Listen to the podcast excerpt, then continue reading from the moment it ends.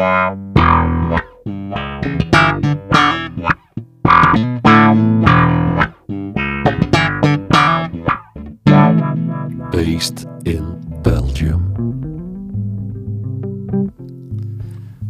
Welkom allemaal bij de derde episode in dit tweede seizoen Based in Belgium. De podcast waarin we telkens één iconische Belgische bassist aan de tand voelen over het reilen en zeilen in zijn of haar muzikale leven. Altijd gecombineerd met een schandalig lekker glas wijn.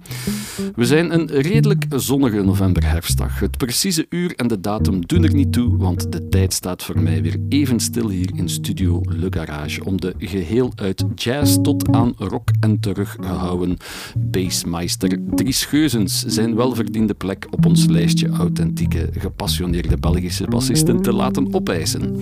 Inderdaad, die reizige krullenbol van New Jazz sensatie Noordman, een van de weinige bands van eigen bodem die erin slaagden om zowat alle jazzconcours de afgelopen tienies te winnen en tegelijkertijd de op één na hoogste plek op de Rock Rally 2014 weg te kapen. Niet in het minst door de inbreng van geboren Limburger Geuzens, die zijn ruime muzikale interesse en ervaring als sound engineer, producer, componist en bassist op beleefde wijze laat gelden in deze spontane smeltkroes van oldschool materie en nieuw experiment. Gediplomeerd als hij ooit was aan het Rits te Brussel als geluidstechnicus, bleek de muzikale goesting steeds verder te kruipen waar ze niet kon gaan. Dus hij haalde in 2013 prompt nog een diploma meester in de basgitaar jazz, terwijl Noordman aan de vooravond stond van wat nu een mooie carrière blijkt. Gevuld met prestigieuze podia als AB Brussel, Gent Jazz, Pukkelpop, Mes en Luxor in Nederland, Traumzeit Festival in Duitsland tot zelfs het United Islands of Prague in Tsjechië. En ofschoon Dries zichzelf niet de meest inzetbare bassist vindt, duikt hij toch op in zeer diverse, maar altijd heel eigen zijprojecten, waar hij een eigen goede smaaklabel aan verbindt. In Rapid Man bijvoorbeeld, waar hij ongebreideld free gaat aan de zijde van onder meer collega-bassist Mirko Banovic, die zich dan weer mag laten gaan in de elektronica. Of in de band van Noordman-drummer Elias de Volderen, waar de trouwe ritme-tandem zich van een heel andere kant laat zien. En in Collab Coalition trekt Geuzens zelf alle elektronica-registers open en bedient hij zich van menige modulaire synth. Het instrumentarium waar hij trouwens binnenkort volledig mee voor het voetlicht komt in de vorm van een heus solo-debuutalbum. Kortom, in onze zoektocht naar boeiende professionele basfiguren waren we niet toevallig in zijn beurt aan het rondneuzens. Dames en heren, hier is Dries Geuzens. Hallo, dag Wouter. Hey, dag Dries. Ah, het heeft twee seizoenen moeten duren, Dries, tegen dat we iemand uit Limburg Echt waar? op bezoek Ik, krijgen. ik ben de eerste. Ja, de allereerste Limburgse bassist. Maar je woont eigenlijk achter de hoek van deze studio. Klopt, ik heb de volle zes minuten gewandeld. Oké. Wij zijn bijna buren. Ja. Ja, eigenlijk wel, hè. Ja, maar ik- ja, ik was aan het denken van, wanneer gaan we de Limburger over de vloer kunnen krijgen? Ik was aan het denken richting Roberto Mercurio, u waarschijnlijk heel bekend. Maar die durfde en wou nog niet direct afkomen, dus er zijn al bassisten bezig om een petitie aan te laten rondgaan om Roberto toch naar hier te dwingen om te doen komen. Maar de man praat gewoon niet graag over zichzelf en ehm, is zeer bescheiden. We hebben ook Roman Korlik, ook een fantastische Limburgse bassist. Ken ik niet meteen. Dat is een six-string bassist. Al iets ouder, eh, maar een waanzinnige virtuoos. Heeft heel Ja. veel eh, jazzbands in, eh, rond het Genkse gedaan, maar ook populaire artiesten. Ik ga er problemen mee krijgen, hè, dat ik die niet ken. Ja, nogthans, Limburgers zijn meestal wel burgers die elkaar goed kennen overal te velden. Maar ik, ik woon al lang niet meer in Limburg. Je, hoort dat nog. Ik zal Ja. het altijd... Dat zal ook altijd zo blijven. Ik ben op mijn achttiende verhuisd uit Limburg. Ik woon nu langer Mhm. niet in Limburg als ik daar, daar gewoond heb. Dat was in Neder de Peel, Neerpelt. Ja, overpelt dan. Ah, Overpelt. De andere kant, de goede kant. Nu is het allemaal Pelt. Nu is het pelt. Dacht ik, hè? Klopt, ja. ja. Daar heb ik gewoond tot mijn achttiende. En dan ben ik naar Brussel verhuisd om te studeren. Vier jaar in Brussel. En sindsdien woon ik in Gent. Gentse Limburger. Ja, voilà. In de vol eens Limburg. Ja, altijd natuurlijk. Limburg. Voor Ja, altijd, ja. maar ik voel me hier wel, wel Ja. goed en thuis in deze stad. Maar in Gent is eigenlijk ook alles muzikaal wel een beetje beginnen ontspruiten, denk ik. Mm. qua professionele projecten Dat die momenteel lopen. Klopt. Ja. Ja.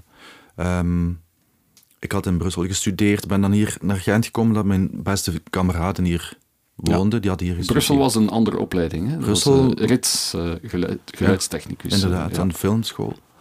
Ehm, maar mijn beste vrienden uit Overpelt woonden in Gent, die hadden hier gestudeerd. Dus was het voor mij logisch om naar Gent te komen.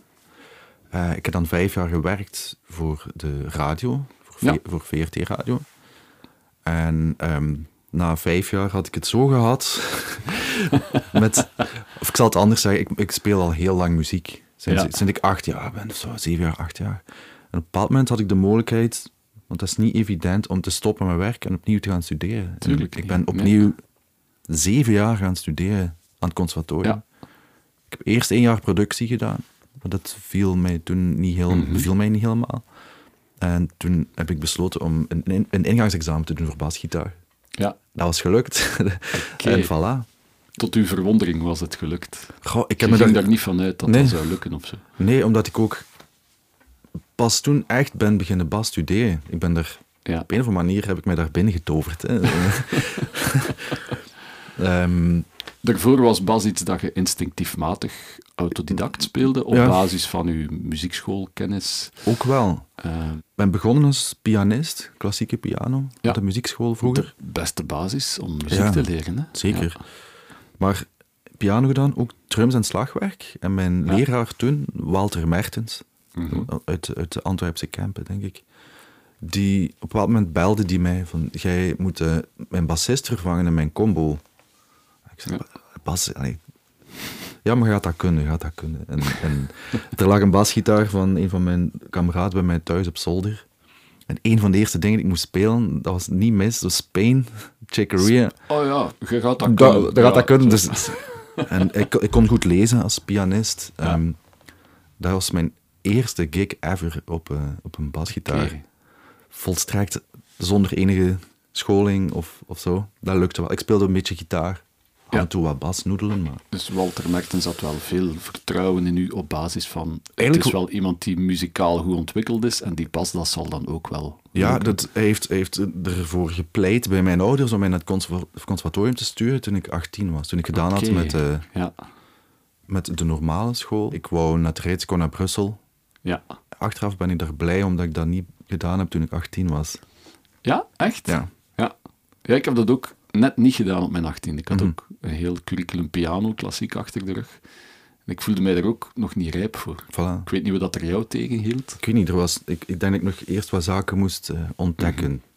Ja, En conservatorium is geen evidente opleiding. Ik denk dat conservatoriumstudenten over het algemeen heel veel tijd in hun studie steken. Doorheen het ganse jaar. Je moet. Ja. dat doen, zeker als je instrument speelt. En dat is een verschil met dat je bijvoorbeeld aan, aan het unief zit en gaat naar die lessen en zorgt dat je je examens kunt op het einde. ja. Dat is natuurlijk overdreven, hè, maar... Mhm. ehm, en ik was er toen zeker niet klaar voor. Op uw 18 om constant in de flow van... Om vier uur per dag op een dag, instrument te ja. studeren. Nee. Ja, ja, ja. ja, het vraagt een beetje rijpheid, denk ik. Ehm, ja, om ja dat misschien, te doen. Misschien wel. En het gevaar, en naar mijn gevoel bestaat het gevaar ook, eh, voor mij was dat toch op mijn achttiende, dat ik alles van de leraar zomaar zou overnemen, dat ik dan muzikaal ook op een bepaalde manier Mhm. minder mezelf zou worden en meer In uw de muzikale, school of de leraar. ja, in uw muzikale ontwikkeling. Ja. Dan- Had jij dat ook toen? Ehm, goh, ik denken, toen ik, toen ik 18 was, mijn beste kameraad had een black metal band. Oké. Dus ik, daar, daar heb ik ook nog even toetsen bij gespeeld. Dus ik kwam, ik kwam daar zo uit, hele harde muziek. Ja. Ehm, ook wel klassiek uiteraard, omdat ik dat altijd gedaan had. En, maar ik, had- ik had geen idee, ik wist tot vol, vol- volstrekt niet wat jazz was of zo. Eh, ik Ja, heb dat ja. pas, pas later leren kennen. En door opnieuw te gaan studeren, dat is een super bewuste keuze geweest om dat te doen. Ik was toen 27, denk ik. Stop met werken, fulltime job, alles op en eraan. Maar ik ben er absoluut niet rouwig omdat ik die keuze Ja. gemaakt heb. En je was daar echt radiotechnicus Ja. die op programma's moest de schuivers bedienen. Dat heb ik een jaar of twee gedaan. En Mhm. ehm, daarna vooral ehm, documentaires en reportages gemonteerd. En interviews. echt uitzending heb ik niet zo heel veel gedaan. Dus ik zat daar nog net op een iets wat creatieve plek. Eh, met, met documentaires. ik mocht er wel mijn ding doen en eh, dat, Ja. dat was wel tof, maar nou, ik ben er altijd minder gaan werken. Deeltijd, 80%, 70%, Ja, halftijd. En op een bepaald moment voelde ik dat dat niet, dat dat niet klopte. Omdat de muziek altijd maar meer de kop begon boven Absoluut. te steken. Ja. Absoluut. De Dus- ur- urge De urge was daar. Om, is eh, nooit weg geweest. En Ja. ja. ik zit nu eigenlijk momenteel weer in zo'n periode. Oké, de Eh. overgang naar wat nieuw dan? Noem het een professionele carrière als artiest, Mhm. fulltime. Ja, fulltime. Ben opnieuw gaan studeren, like ik, ik daarnet zei, het conservatorium van Gent. Daarna moest ik ook wel een job hebben. Als je studeert kun je niet echt werken, je kunt niet echt geld verdienen. En Ja, geld is een factor. Ja. Ja. En ik heb vier jaar gewerkt als productiemedewerker voor een managementbureau. ja. Artspot, dacht Ja, ik. klopt. Ja. Ook in Gent gebaseerd. Hè? Ja, ja. het centrum van Gent. Ja. Aan het begin van de eerste lockdown, eh, voor de, voor de post-corona-luisteraars, Ja. lockdown en zo. Op dat moment had ik net ehm, aangegeven dat ik wou stoppen. En de eerste, eerste dag van de lockdown, of zo, maart 2020, ja. ehm, was de eerste dag dat ik daar ook niet meer werkte, min of meer. Oké, dus alles viel helemaal Mhm. stil. Ja. Inderdaad. En ik had ineens een zee van tijd Ja. en die heb ik ten volle benut. ja. Om fulltime artiest te worden Ja. eigenlijk. En echt broodspeler te zijn. Ja, En artistiek eigen projecten vol een bak te ik, ontwikkelen. ik wil het proberen om vanuit mijn eigen muziek dat te doen. Ik ben niet zozeer een broodspeler, denk ik, zoals er anderen zijn die worden ingehuurd Mhm. voor sessies en, en andere bands. Ik doe dat wel, live bij, bij groepen vervangen. Maar ik heb het gevoel dat ik ehm, zelf wat dingen te vertellen heb met mijn eigen muziek. En Mhm. daar ben ik heel, heel, heel veel tijd in aan het spenderen. Ja, dat, dat straal je ook duidelijk uit in je profiel als bassist, vind Mhm. ik. Als Ja. ik als mede-collega naar je kijk. En het is wel een heel uniek profiel dat we hier in de podcast ook nog niet gehad hebben. Ook het feit dat je dan eerst iets studeert en dan weer stopt en Mhm. dan pas weer muziek studeert. Ja. En dan pas ook zegt van oké, ik ga de broodverdienjob zoals lesgeven of bij een managementbureau gaan werken ook Mhm. nog eens opzeggen om dan nu echt eigenlijk ja, solo te gaan Ja. eh, min of meer. Is een vrij uniek gegeven. Er is weinig mensen die, eh, ook al met een jong gezin te voederen Dat en is te zo. onderhouden, die die beslissing durven nemen. Dus ik zie al enorm uit naar de rest van het gesprek, maar we mogen niet vergeten om ook iets te drinken. eh. Inderdaad. inderdaad. Ja, want we hebben ja, een dubbele primeur eigenlijk. Zo. De Mhm. eerste Limburgse bassist hier aanwezig. En ik ken u eigenlijk niet zo goed, we hebben nog niet zoveel gepraat, maar Mhm. we hebben ook een beetje hetzelfde startpunt, met pas later naar het conservatorium gaan Mhm. en zo. Dus ehm, ik zou zeggen, eh, herinner, first things first, we moeten daar iets op drinken. eh. ik herinner mij de eerste keer dat jij mij hebt zien spelen. Dat was mijn eindexamen aan het conservatorium. Ja, daar wou ik net toe komen. In het volgende item. Voilà.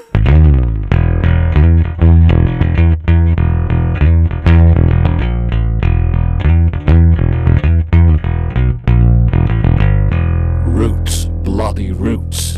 Inderdaad, ik was er zelfs over aan het twijfelen. De roots van eh Dries Geuzens, daar gaan we naar op zoek. En ik dacht van, ik geloof dat ik zijn eindexamen gezien heb. Of misschien was het het eindexamen van iemand anders die dan ook in Noordman zat. Want het was al een soort van Noordman, denk ik. Dat klopt. Met eigen composities. Ik weet niet of dat het toen al Noordman heette. Jawel. Ja, ik denk dat het 2013 was, in de centrale in Gent. Wij bestaan met Noordman nu tien jaar, als ik het goed heb. Dus dat bestond Ja. zeker al. Ah, en ehm, dat was met de gast van Noordman. Mhm. Een paar eigen nummers van mij. Ja. Maar ik, jij zat in de jury als extern jurylid. Juist, Voilà. ja. Ik gaf toen nog geen les daar, maar ik werd wel af en toe al eens opgetrommeld. En je hebt ook het examen van Edmund Loret, de gitarist van Noordman. De dag erna was ook in de centrale zelfde. Ik denk dat je Kelderzaal, misschien ook ja. wel zit. Dat weet ik niet meer. Maar dat was de eerste keer dat, dat ik u ontmoet heb. Oké, Eigenlijk. wow, vertel.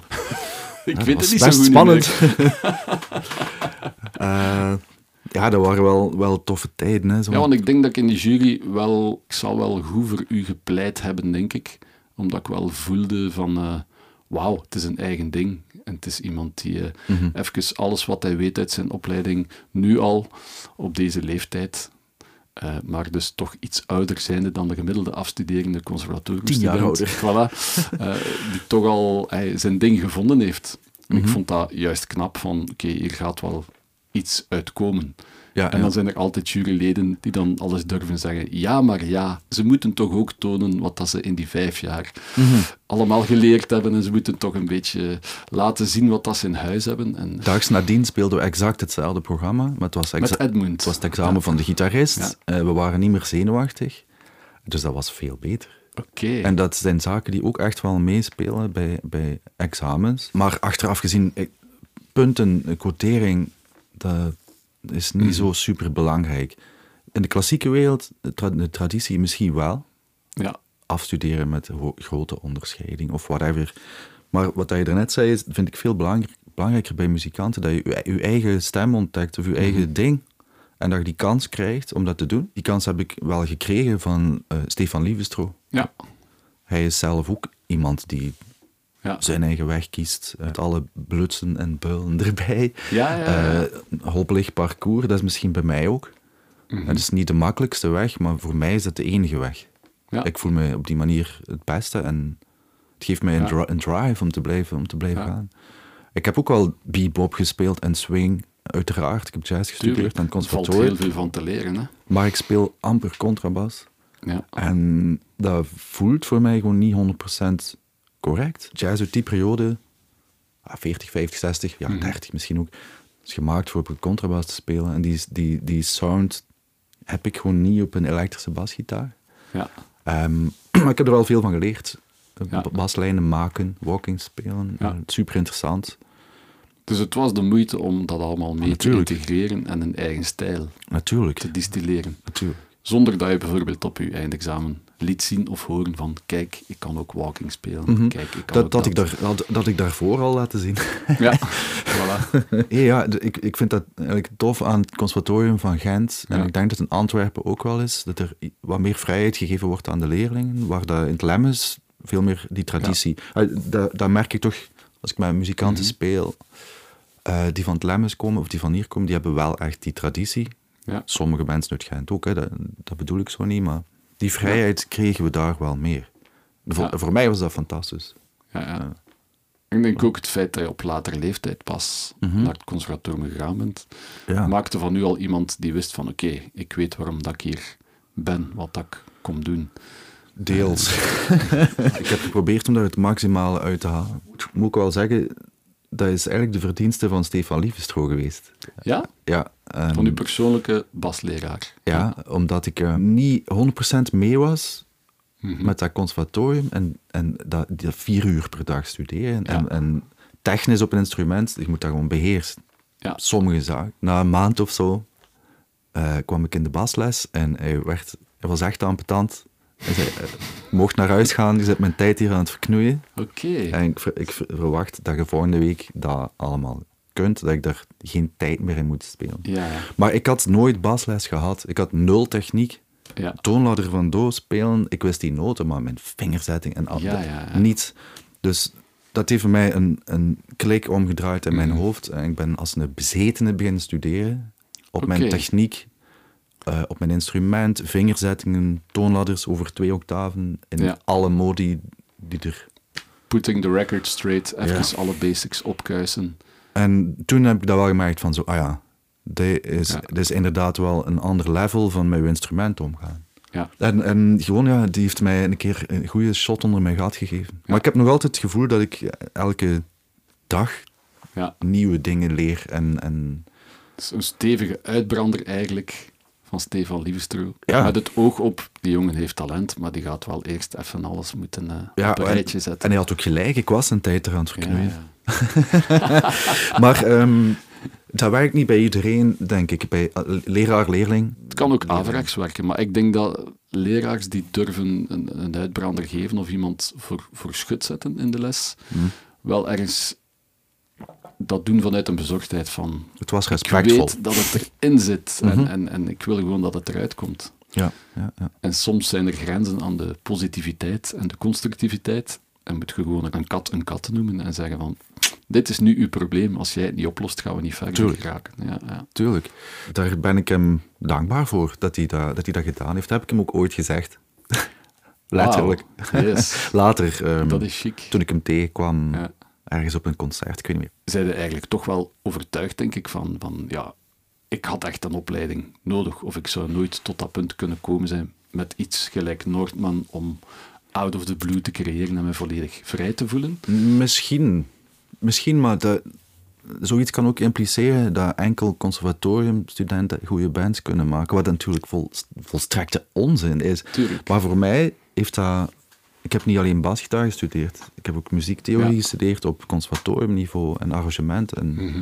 harmonie. En dat Ja. heeft mij enorm veel bijgeleerd. Ja. Zoveel dat ik na het conservatorium geprobeerd heb om dat allemaal te vergeten. Voilà, ik ging het juist vragen. Was er ook een punt Tuurlijk. waarop dat je er dan genoeg van hebt en zegt van, nu begint het mij te hinderen. Het zijn obstakels. Het Ik zijn denk- geen, denk dat geen iedereen... vehikels eh, meer, maar het zijn obstakels die mij verhinderen om muzikaal te denken, want dat Mhm, kan ook mhm. gebeuren. Ja, in het spelen en het schrijven. Op een bepaald moment kom je op dezelfde zaken. Ik denk, als je, als je een, een creatieve muzikant bent, of, of je zit op zoek naar een eigen stem, een Ja. ontwikkeling, wil je altijd iets nieuw.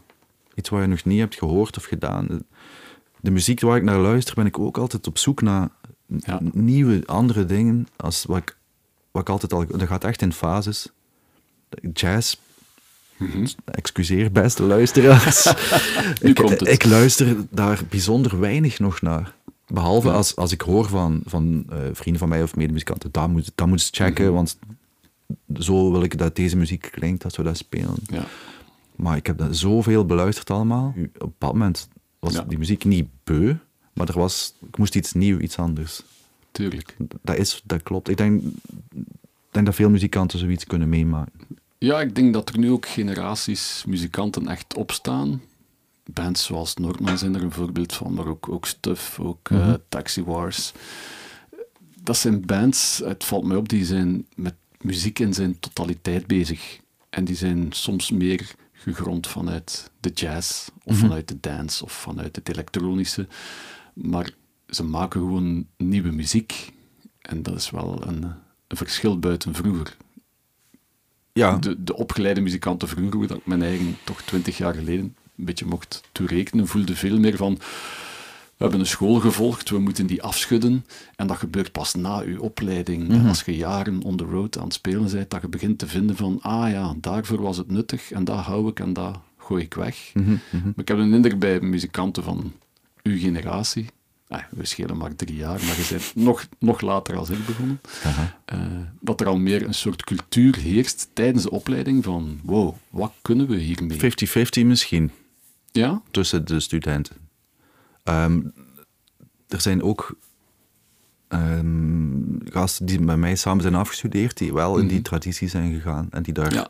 eh, fantastisch in uitblinken. Maar de meeste muzikanten, met wie ik, wie ik dan bands uiteindelijk Ja. ben gaan voor op Noordman en andere Ja. zaken, dat waren muzikanten die ook dat, dat creatieve in zich hadden. Gastelijk Fulco of, of Simon Ja. Segers, de drummer De Berengieren is ook Gieren. een machtig voorbeeld van van P. hoe nieuw muziek kan zijn. Hè. Lieve van P.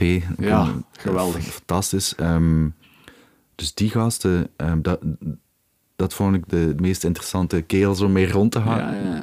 Omdat we wel hetzelfde idee hadden. We zijn op zoek naar onze eigen stem. We zijn andere richtingen uitgegaan. Nathan, Daams, is ook zo'n Ja, muzikant, denk ik. Met een heel duidelijk ding van daar wil ik naartoe. Zo Ja. zijn er nog, hè. Bart Vervaak, Heel eclectische Wim. Segers, vibrafonist. Ja. Ook heel veel mee gespeeld. Is ook zo'n gast. Maar er, dat klopt misschien wel zo, dat er, dat er een soort shift is gebeurd in die generaties. Ja, want dat- ik merk het ook wel in de opleiding, elke dag van nu is er soms een splitsing tussen jazz of gevolgd pop, maar dat begint zich meer en meer weer te vervagen en te mengen. Mhm. In de muziek ook, hè. Ja, en ik vind het heel moeilijk om dan ehm, in academische termen te gaan uitleggen wa- wat dat we, wat- waar dat we voor staan eh, vanuit de hogere opleiding. Omdat, hoe noem je de muziek die niet klassiek is? Mhm, mhm. Lichte muziek is dan meestal de term, maar dat klinkt bijna denigrerend, alsof dat het niet belangrijk is. Mhm. Dus ik ben nog altijd op zoek. Misschien heb jij suggesties vanuit uw eh, muzikale wereld om van hoe moeten we dat gaan definiëren of noemen, de muziek die niet klassiek is. Want we zijn het er wel over eens, klassieke muziek kan je echt studeren, is cerebraal ook anders bepaald. Maar de, de jazz en de pop, dat komt van de blues, dat komt van de, Mhm. de volkscultuur van de mensen zelf. Klopt wel, maar doordat het wordt onderwezen aan het conservatorium, Mhm. is, is die muziek geïnstitutionaliseerd. Ja, En zijn er duidelijke parameters waarvan je kan zeggen, de studenten moeten op het einde van hun bachelor 3 dat en dat en dat kunnen spelen. Dus in zekere zin is dat wel vergelijkbaar met de klassieke muziek. Mhm. Ehm, denk ik, tot op een bepaald niveau. Maar willen we dat? Is het nodig? Ja, ik vraag me soms ook af. Ik denk het wel. Ja. Want het is nu eenmaal een, een relatief jonge traditie. Dus eigenlijk nog niet zo'n oude muziek. Zeker niet in vergelijking met de Het is nog klassieke geen muziek. eeuwoud, hè? Nee. Ehm, en, en het is heel belangrijk dat dat bewaard blijft. En ik vind ook fantastisch dat er gasten zijn van wie ik les heb gehad. Ehm, ehm, Bart Voort, Ja. Pierre Vajana, Ja. die, die generatie, Marc Godefroy, die daar echt in die traditie zitten. Dat zijn de gasten van, van PJO natuurlijk. ja. Ehm, En die die traditie ook van binnen en van buiten ongelooflijk. kennen. Hè. Ongelooflijk. En met heel veel passie, Ja. alsof dat ze nieuwe muziek aan het maken zijn. mhm. Die patrimoniumbewaring Ah, wel, doen eh, eigenlijk. Wat dat pejoratief klinkt, maar eigenlijk is het een soort erfgoed bescherming en bestendiging, denk ik. Ehm, Stel je voor dat niemand nog Bach zou spelen. mm, oh, Want dat is oud. Of, of, Ja. of, of iets anders. Ja, Mozart, Beethoven, whatever. Ja. Eh, dat is gewoon muziek en dat moet gespeeld worden. Dat is, net, dat is zoals boeken, die moeten ook gelezen worden. En films Ja. moeten bekeken worden, anders bestaan ze niet meer. Voilà. Muziek gaat over respect voor elkaar, Mhm. denk ik. Hè? Eh, is, helemaal akkoord. Ja. Volledig akkoord. dat is echt... Ehm, stel dat je met, met een aantal mensen muziek maakt Mhm. die je nog nooit hebt gezien. Het gebeurt vaak op woensdagavond in de Hot Club, Free Jazz Jams of whatever. Yes. whatever. Ehm, en je doet je ogen dicht en je zult, en je zult volledig niet meer zien hoe iemand eruit ziet. Ja. Maar als je dan samen muziek maakt, dan zit je samen een verhaal aan het maken. En in dat moment iets aan... En of dat nu iemand gekleurd is of niet, Mhm. of een bril draagt, Ja. of krullen heeft of whatever. Valt dat allemaal doet weg, er allemaal niet toe. ja. Het is allemaal zo relatief. Dus ja, muziek is, is wat ons bindt en wat ons verenigt, Dat denk is ik. heerlijk. Daar moeten we subiet echt Op klinken. Maar, maar ik zit met nog een andere prangende vraag. Want Mhm. bijvoorbeeld, Noordman is dan volledig uw meug en van uw medemuzikanten. De gasten die resoluut kiezen voor, oké, respect voor de traditie op alle manieren. Dat Mhm. hoor je ook aan jullie muziek. Er zit eigenlijk heel veel roots, heel veel oldschool in. En tegelijkertijd heel veel zin voor het, het nieuwe. Mhm. Ehm, maar jullie, je zei eerder in het gesprek, we bestaan al tien jaar.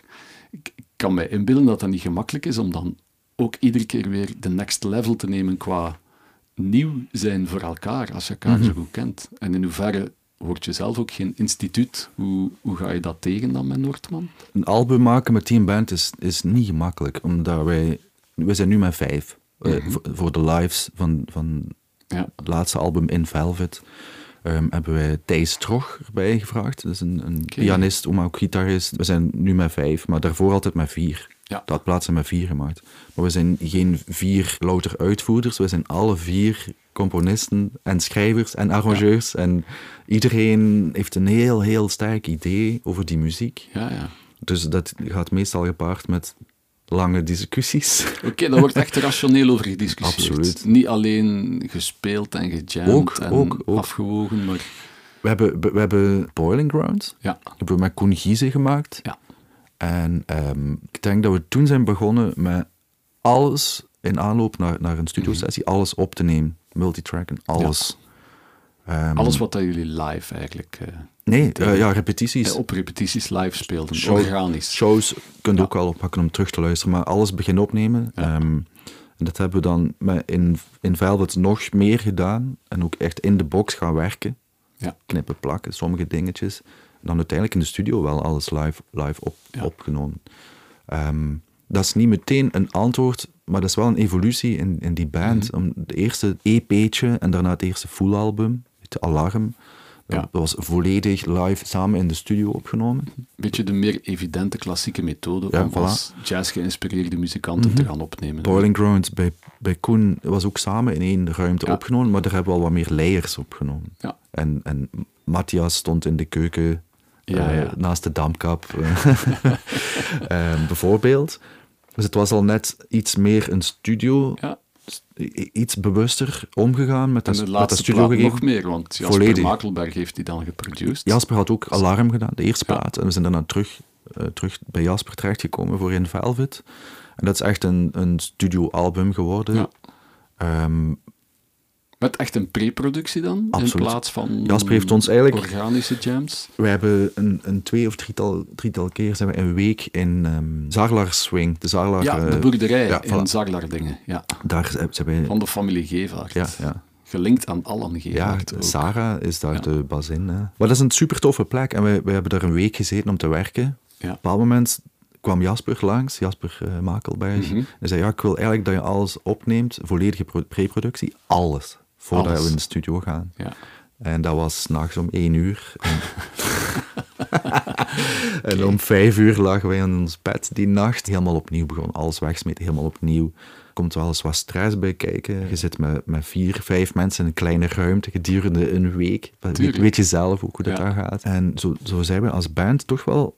We stellen onze Mhm. eigen muziek voortdurend in vraag. Ik weet niet of dat een be- bewust proces is bij Noordman.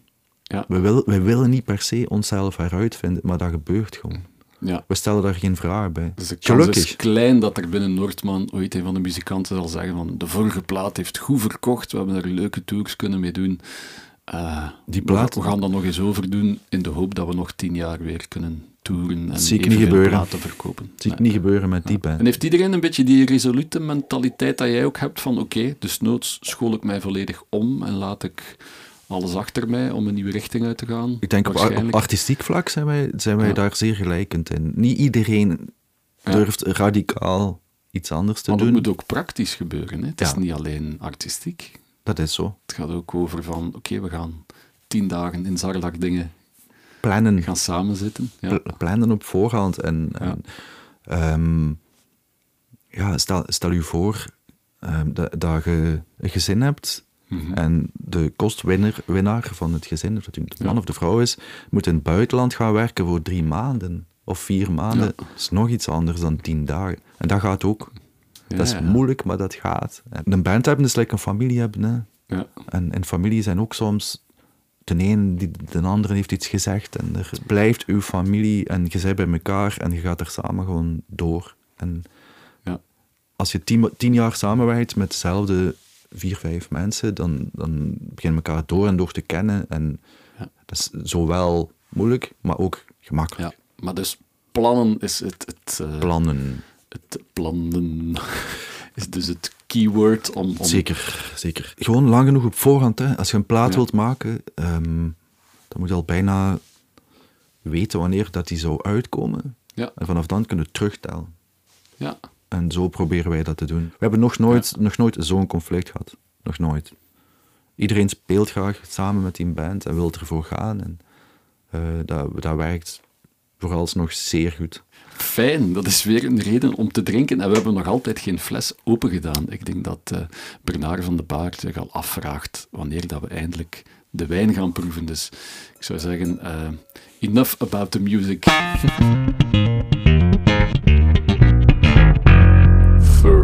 things first. Ja, first things first heet dat item, maar eh, na toch al een dik half uur podcastopname kunnen we dat bezwaarlijk nog first things noemen.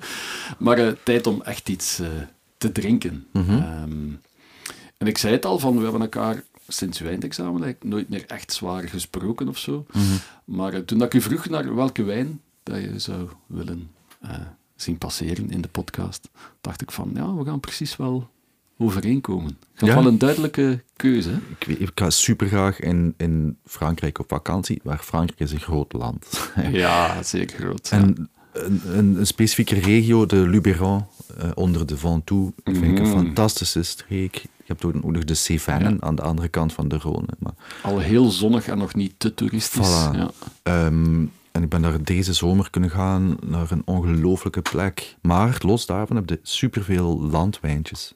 En steeds meer en meer eh, wijnhuizen die biologisch Ja. zijn begonnen. En jij gaat dan actief op zoek tijdens je vakantie van welke wijnbouwers zijn er in de buurt? Ik ga eens proeven of eens checken. Ehm, met mijn dochter erbij is dat wat moeilijker, Ja. omdat hij dat echt niet tof vindt. Er is geen speeltuin bij, bij Voilà. Maar met mijn, met mijn vriendin hebben wij dat wel eens gedaan. Mijn, Ja, Moet ik misschien ook zeggen, mijn ouders... Ik heb Frankrijk leren kennen door mijn ouders. Ik ging als kind altijd eh, naar Frankrijk. Dat was heel vaak, heel vaak in de Alpen, in de bergen dan, in de Alpen en ook in de Pyreneeën. Maar zij gaan elk jaar nog terug naar een plekje op de, op de Ventoux, de, de flanken van de Mont Ventoux. En die nemen elk jaar een doos wijn mee naar huis. Zalig. Eh, Ja, en ja, dus dat is... Ik heb dat misschien een beetje van hen meegekregen. ja. Ehm, Het verhaal dat rond Ja. de wijn hangt. ja, en Maakt de, en de streek beter ook. eigenlijk. Ja, Ja, tuurlijk. tuurlijk. ja, ja, ja, ja. Of slechter. ja, het kan niet altijd prijzen Nee, natuurlijk. hè. nee, dat is waar. Ja. Maar ehm, biologische wijn heb ik leren kennen. Dat was aan de zuidelijke kant van de Luberon. Een dorp heet San. Ja, En ehm, wij zaten daar op een giet op het wijndomein. zalig. Ja. Ja, de, de namiddagactiviteit, dat sprak voor zich. Maar heel Frankrijk is aan het omturnen naar bio. Ook, Blijkbaar. gemerkt. Ja. Blijkbaar. En dat is niet simpel. Ja.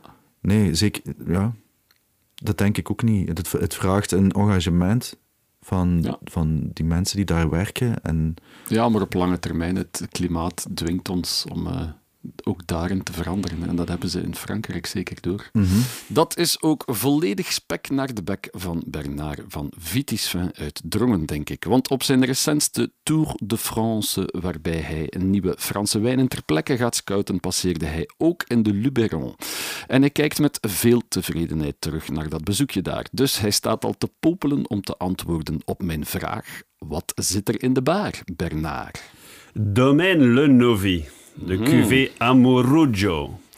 Dus zoals je zei, we zitten in de Luberon, eh, massief du Luberon, dat is ten zuiden van de Ventoux. Ja. Dus eigenlijk ja, de meest zuidelijk gelegen eh, herkomstbenaming van de Rhône is Luberon. Eh, vanuit de wijngaarden van Romain Dol, dus de wijnmaker van het domein Le Novi, heb je eigenlijk al zicht op la monta- de montagne Sainte-Victoire uit de Provence. Dus we zijn eigenlijk niet ver van Aix, van Marseille, van... Ja. Eh, maar het is, het is nog de Rhône-vallei of de Ja. Rhône-regio. Le vrai Sud. Voilà. Dus ja, eh, we, we moesten een wijntje hebben met eh, hoofdzakelijk Grenache. Hè. Effectief, Ja. vinden dat terug in de Ventoux. Maar ja, ik heb opnieuw de hoogtes wees gaan zoeken. Waarom? Dan heb je koele nachten. Koele nachten is echt een mooie ruggengraat, een mooie fraîcheur in de wijnen. Ja. En Luberon zit ja, iets hoger. De wijngaarden liggen ongeveer op 300 tot 400 meter hoogte. Eh, bij Domaine Le Novi. We zitten op een, eh, een ondergrond genaamd Terre de Safre. En een Terre de Safre is eigenlijk een eh, recentere rotsformatie met redelijk veel fossielen. eh, Is dat van een soort zwavel? Safre, nee, nee, het is, nee. Nee, nee, het is, dat is soufre. Ah, soufre, oké. ja. Dat is ook rechtgezet nee, nee, bij deze. Safre, eh, Safre gaat echt over de terroir, is een soort kalksteen met in de diepere lagen, eh, zoals ik zei, veel fossielen van vissen. Ja. En dan dat krijgt een bepaalde ziltigheid die nog meer fraîcheur heeft. Dus eh Domaine Le Novi is een assemblage van eh 75% eh, Grenache, Mhm. eh, 10% Syrah, 10% Marcellan. Oké. Ja, eh, Dat is Marce- een nieuwe druif voor mij, ja, Marcelin. Marcellan is eigenlijk een kruising tussen Cabernet Sauvignon en Grenache. Oké. Eh, die maar eigenlijk sinds ja, de jaren 90 toegelaten is in Frankrijk. Een wijn die heel eh, mooie aroma's, eh, fruitige aroma's van rode en zwarte bessen heeft, eh, een bepaalde sappigheid geeft, Mhm. die ervoor zorgt als je een 100% Marcelin eh, eerder koel moet drinken. Nu in dit geval Ja. is het maar 10%, is gewoon om een, een, een leuke, een leuke habitje die, die, die toch een tikkeltje meer complexiteit gaat geven aan de wijn. Hoe smaakt dat? Wat geeft dat in de neus en in de mond? Ja, en dan is... Ik ga even het glas voor mij nemen. Hè. Dat is zo, Ja. Zoals je ziet, de kleur is, is niet zo donker. Het is robijnrood, eh, intens robijnrood. eh, Mhm. Ja. maar, maar zeker niet te donker. Eh, in de neus heb je vooral de aroma's van de, ro- de rode bessen en rijpfruit. Ja. Maar als je je wijn een beetje laat walsen in het glas, dan komen er eerder die, die, die frisse toetsen, zoals we noemen, die toetsen van, van ja, munt, eigenlijk vind ik een beetje ook. Ah, Oké. Ja, dat heeft hier opnieuw die frisheid. Er, zit ook, er zit heel veel garrigue daar rond ook. Hè. Er zit heel veel kruiden ook rondom rond de, de wijngaarden. Dus ja, complexe aroma's van, van verse munt, Provençaalse kruiden zoals ik zei. Dus die, Ja. die zitten op die ehm rozemarijn, tijm en zo verder. Eh, een beetje kreupelhout. Hè. Dat is die, die lagering op eikenvaat die ervoor zorgt dat een beetje die, die kreupelhout toetsen hebben. Eh, kersen en blauwe bessen. Ehm, en dan in de mond, ja, een sappige, fruitige aanzet. Met ja, een, een heel mooie opgebouwde structuur, onderliggende structuur. met heel fijne zuren. En dan komt die heel, heel duidelijk, vind ik, die, die mineraliteit of die frisheid. Dat is zo mooi uitgebalanceerd dat je zin hebt om nog een slok van te drinken en nog een slok ervan te drinken. Dat is zo- zo'n Ja, ja. wijntje die heel vlot gaat. eh, Heel vlot ja, wegdrinkt. ja, klopt. En bij wat kunnen we het dan combineren om te, te eten bijvoorbeeld? Goh, ja. Grenache zouden zeggen, we gaan naar stoofpotjes, we gaan naar, naar, naar eh, rood vlees. Hier zit je toch iets met iets heel complex. Ehm, ik heb nu onlangs ook een, een, restaurateur die mij een, een, een heel mooi gerecht met ree, maar het was ree traag gegaard. Oké. Dus niet te, de, de smaak ging niet zoveel door, en dus, maar eerder heel fris. Dus ik dacht zoiets van, oké, die grenache zou er perfect bij komen. Het die houtlagering, Oké. het die houttoetsen. Dat is een wijn die toch een bepaalde structuur heeft, maar Ja. voldoende fraîcheur heeft om de vettigheid van je vlees af te breken. Dus je zit, je zit, ja, zou zeer goed zijn met een heel mooi Ja. eh reefiletje. Die Het jachtseizoen is geopend Ja, bij deze, als het maar wild is. Ja, zeker wel. En eh, ja, Ain't No Mountain High Enough voor eh, Bernard van de Baar. Of hij klimt erop om eh, wijn te gaan halen. Hè. Zeker. Het is dan niet de, Mo- de Mont Ventoux, maar het komt toch wel in de buurt. Ja, maar we zitten dicht bij Toerdijk. Hè. Dat is een Ja. prachtig pittoresk dorpje. Ik, ik raad dat aan iedereen aan om in de Luberon. Er zijn er zoveel mooie dorpjes. Dus onderweg naar het zuiden, volgende zomer, Ja. moeten we zeker in de Luberon Zeker eens doen. Ja. uitstappen. Oké, benieuwd wat, eh, wat eh, Dries daar gaat van vinden, want die kent de streek ook. Dus eh voilà, over naar het proeven. Merci Bernard. Met veel plezier. Yes, en terwijl ik de wijn mag uitschenken, genieten we van eh Dries Geuzens zijn baspel op Ain't No Mountain High Enough. De geweldige Jamerson-lijn komt weer tot leven. Ik, doe, ik doe een beetje alsof, hè. Ik, eh eh, Jamerson. Een interpretatie van Ja, voilà. Voilà, voilà. eh, Close Enough for this podcast. We gaan klinken. Great. Yes, ik ben benieuwd of dat, eh, School. of dat het u gaat terugbrengen naar uw fijne tijden in, eh, in Frankrijk, in de Luberon, in Sanne. Hmm. Veelbelovend of... eh, Zeer veelbelovend. Heel mooie kleur. Kers, framboosachtig. ja, hè? het ziet er heel Eh. fruitig uit. Ik zal ook maar eens proeven, hè. Alsjeblieft. Ah, ik proef precies minder fruit als dat eruit ziet. Ik had zoiets zoeter verwacht. Mm. Zeer goed. Maar eh, ja, Inderdaad, de, eerste, de, de, de eerste smaak is... ehm, weet niet of het dan met, echt scherp is of zo. Maar het fruitje komt nu, hè. De, ja, op het einde pas. hè. Eerst is Ah, heel veel karakter op de tong en dan... bijzonder lekker. En het, is, het doet mij inderdaad wel wat denken aan die, aan die, aan die landwijntjes. Logisch. Ja? Jij Want kunt Hij vergelijken. komt hè? vandaar. Ehm, maar ik, ik drink graag wijn, maar niet, Ja. de, niet de grote bekende wijnen. Ik drink dat eigenlijk niet zo graag. Van die zware wijn, Ja, pff, daar heb ik niks meer mee. zo de Bordeaux en Voilà. zo, die eh, echte klassiekers. Die klassiekers. Dus, en dit is inderdaad qua smaak, voor zover als ik kan, eh, Ja. vergelijken bij wat ik thuis heb staan. En, en wat ik daar geproefd heb, ehm, is dat, komt dat inderdaad zeer dicht in de buurt. Logisch, want hij is van de Luberijn. Maar het is een super lekkere wijn, prachtig. Dus we doen u een plezier als we u nog een extra fles meegeven Toch wel. naar huis. Ah, Oké, dan ben ik er eh, gerust in. Fijn. Op naar het volgende item. Oh my god. Oh my god, in Frankrijk mogen we echt wel zeggen, hè, met Dries Geuzens erbij, die net zijn eh, vakantiegevoel eh, bij wijze van de rode wijninname weer Zalig. beleefd. Ehm, maar in dit item staat dus centraal, terug naar de muziek, helaas. eh. Wie is de ultieme pasgod? Ik vind het een, moeilijke, moeilijke vraag. En ik zal ook niet de eerste zijn die dit antwoord nee, zeker geeft. niet, zeker niet. Ik denk dat dat voor alle muzikanten heel moeilijk is. Eén, één, één iemand kiezen is gewoon voor mij volledig onmogelijk. En ik heb er al vaak over nagedacht. En ik Ja? kom meestal niet op een bassist. Oké. Is dat vloeken in de kijk? Nee, maar dat zou allen ja, de eerste bassist zijn, Mhm. die uit Limburg komt en die dan nog eens een niet-bassist als uiteraard, uiteraard, zijn er, uiteraard zijn er. Hè. Dus het, het rijtje van... Zeg het ons, Dries. Vloeken in de kerk. McCartney is fantastisch als bassist. Ja. Pas later leren kennen. Jamerson is daar net al gevallen. En dan zijn er de Jacko's en de Pino's. En Tuurlijk, tuurlijk. uiteraard zijn dat goden. ehm, dat is zo. Maar voor mij persoonlijk, Mhm. iemand die mij echt... wa- Waar ik, waar ik tien jaar alles Ja. van heb beluisterd, was Miles Davis. Right. Miles en ook iedereen die bij hem heeft gespeeld. Miles bij heeft mij uitbreiding. maar dat is, dat is ongelooflijk. Ik heb, ik heb daar zoveel muziek door leren kennen, door Miles Ja. te leren kennen. En, en dan bij uitbreiding Coltrane.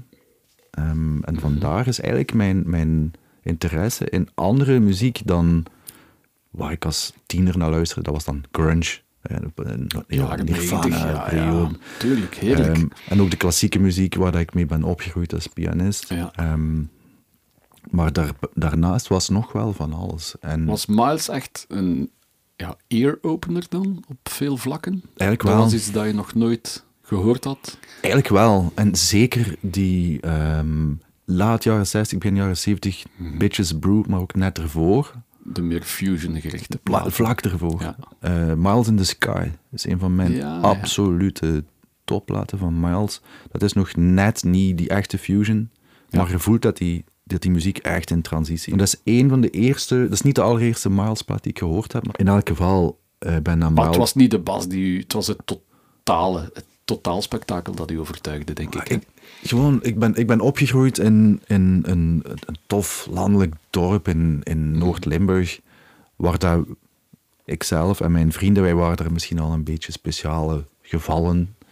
Want mijn maten die hadden lang haar en wij maakten metalmuziek. Hippies en metalheads. ja. Ehm, niet, niet dat dat daar niet mocht of niet ging, maar ik heb het geluk gehad om iemand te ontmoeten op een jeugdvereniging waar ik zat.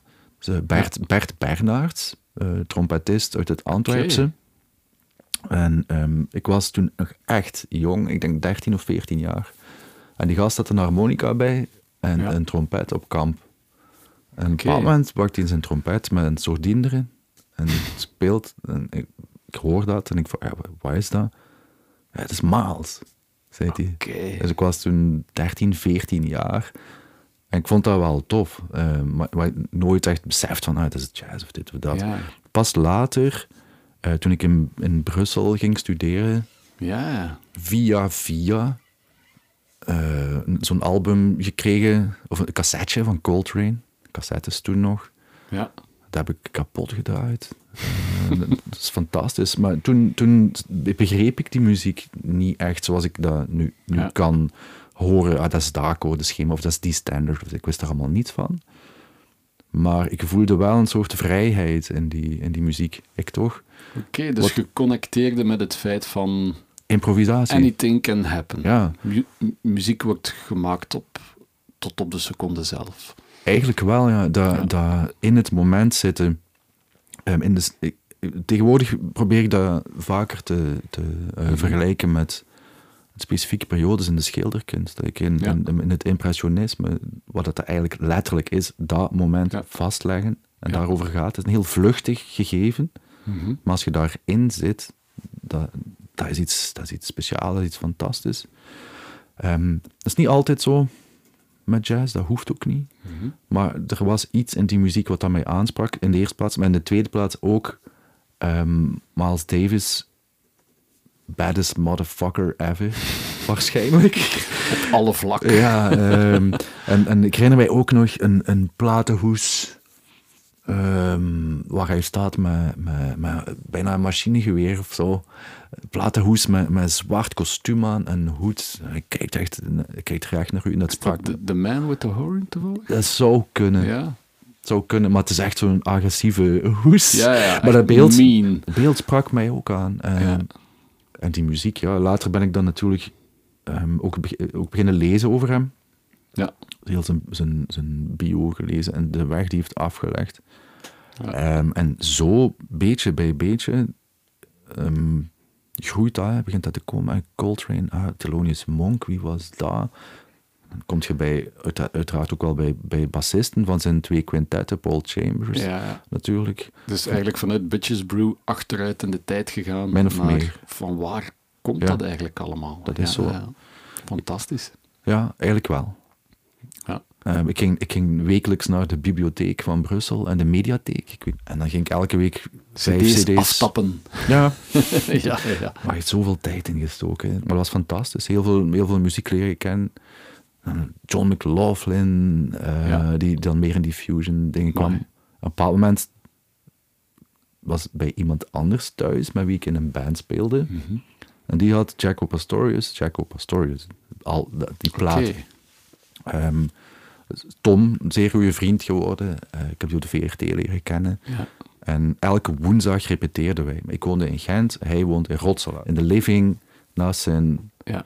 interessante En platencollectie. dan platen beluisteren Voilà. tot in de vroege uren. Ja, ehm, en op een bepaald moment pak ik daar eh, Jaco Pastorius uit, maar ik wist nog niet wie dat, dat was of wat dat was. Ja. Ik leg die plaat op en dat was ook van, what? Wat is dit? Eh, En hoe oud was je toen? Ehm, toen werkte ik al op de VRT, dus dat, ik moet Ja. 4, 5, 25, 26 ja. geweest zijn, 6, 27 waarschijnlijk. Wauw. Ja, dat, en dat was wel een speciaal moment, omdat die plaat, en die plaat, Jacob Pastorius, Jacob Pastorius, Ja. en ehm plaat van John McLaughlin, My Goals Beyond, heet die plaat, Ja. op akoestische gitaar. Die twee zaken, die hebben mij echt zo van, wauw, Ja. Had ik nog nooit gehoord. Het zijn van die momenten waar ik, waar ik vaak op, op zoek ben in muziek. Ja. Dingen die je nog nooit gehoord hebt, die je pakken. En, en Ja, ja. Dat was fantastisch. Dus ja, hier zijn we bij een held, een god, ja. Jaco. Die er mee voor gezorgd heeft dat jij je C4 aangevraagd hebt bij Misschien. Misschien, misschien, maar pas later heb ik dat beseft. Dat, eh, toen ik studeerde heb ik, denk ik, zoals de meeste jazzbassisten, elektrische jazzbassisten, wel best wat Jaco gestudeerd. Ja. Ehm, maar gelukkig snel genoeg beseft dat ik nooit eh, tot, ten eerste tot aan zijn enkels zou geraakt zijn. Ja. Maar dat dat tof is om dat te doen. Maar je wilt geen slechte kopie zijn van, van iets wat al bestaat. Alle Ja. respect voor mensen die dat goed kunnen. En ik heb een periode dat ook veel, veel gedaan. En dus- Tuurlijk, het is dus heel kon ik daar boeiende goed- materie die je boeiende moet materie. Ja. Maar ehm, ja, sommige zaken zijn gewoon goed zoals ze zijn. En, en moeten niet Ja. uitgemolken worden, om het zo te zeggen. Maar Jacko is echt wel een god. Ehm, ook fantastische muziek gemaakt. Samen met Toets Tielemans. Ja. Eh, er, er zijn De beelden, concert en voilà, zo. er zijn beelden van in Brussel. Eh, met Toets, dat is fantastisch. Met Jacko op piano, ongelooflijk. Ja, eh, in de AB, denk ik zelfs in Brussel. Op YouTube staat er een Het video. zou kunnen. Ja, een concert in de AB waar Michel Hadzi-Giorgio ook op het einde een guest performance Klopt. komt doen. Het is dat. En die zat echt waar gewoon in het publiek. En ik heb hem daarover geïnterviewd ook. En die zei van... Oui, mais en fait, j'avais un autre concert cette soirée-là. Donc, je venais de Liège et je suis vite allé à la baie pour voir mon pote euh, Jacob Pastorius. en die heeft dan die bas in zijn handen geduwd gekregen. En dan spelen die samen... eh, wat is het? Ik denk zelfs... eh, Three Views of a Secret, denk ik. Nee, eh, Continuum spelen ze gewoon met twee bassen. Voet, los uit de pols. En dat is waanzinnig. Voilà. Dus beeld in dat je Ongelooflijk. toekomt in de AB, ze vragen je op podium en je mocht direct al dat meespelen. Dat is. En Michel speelt er ook met zo'n gemak. En dat was een jong manneke van 22 toen of zo. Het is wel straf, hè, die twee. Ja, dat is Want Michel waanzin. is ook een basgod van mij, van iedereen. van ik. Ehm, heel. En zijn persoonlijke god was eigenlijk in allereerste instantie, en is nog altijd, Jimi Hendrix. Ja. En voor de rest de Beatles, Paul McCartney. ja, Beatles, ja, tuurlijk. Dus, eh, waanzin. Dus het hoeft niet altijd een bassist te zijn, uw grote voorbeeld. het hoeft zelfs geen muzikant te zijn. ik. Voilà. Dixit, Maar dat Dries is, Geuzens. het is gewoon zo. Het is gewoon echt zo. In- Inspiratie kan je overal uithalen. ja. En ehm, als er iets is in uw leven wat u die inspiratie en die drive geeft om, om elke dag die, die uren daarin te steken Mhm. en te blijven gaan zonder enige zekerheid over wat de toekomst brengt, dan is dat, dat is dat fantastisch. En als het een muzikant is die u inspireert, nog Ja. beter als een bassist is eh, uiteraard fantastisch. Ja, mooi meegenomen. dat is al een pak goede raad eigenlijk, die we hier gratis cadeau krijgen van Dries Geuzens. Voilà. En we zijn nog niet eens aan de Advice for the Young at Heart.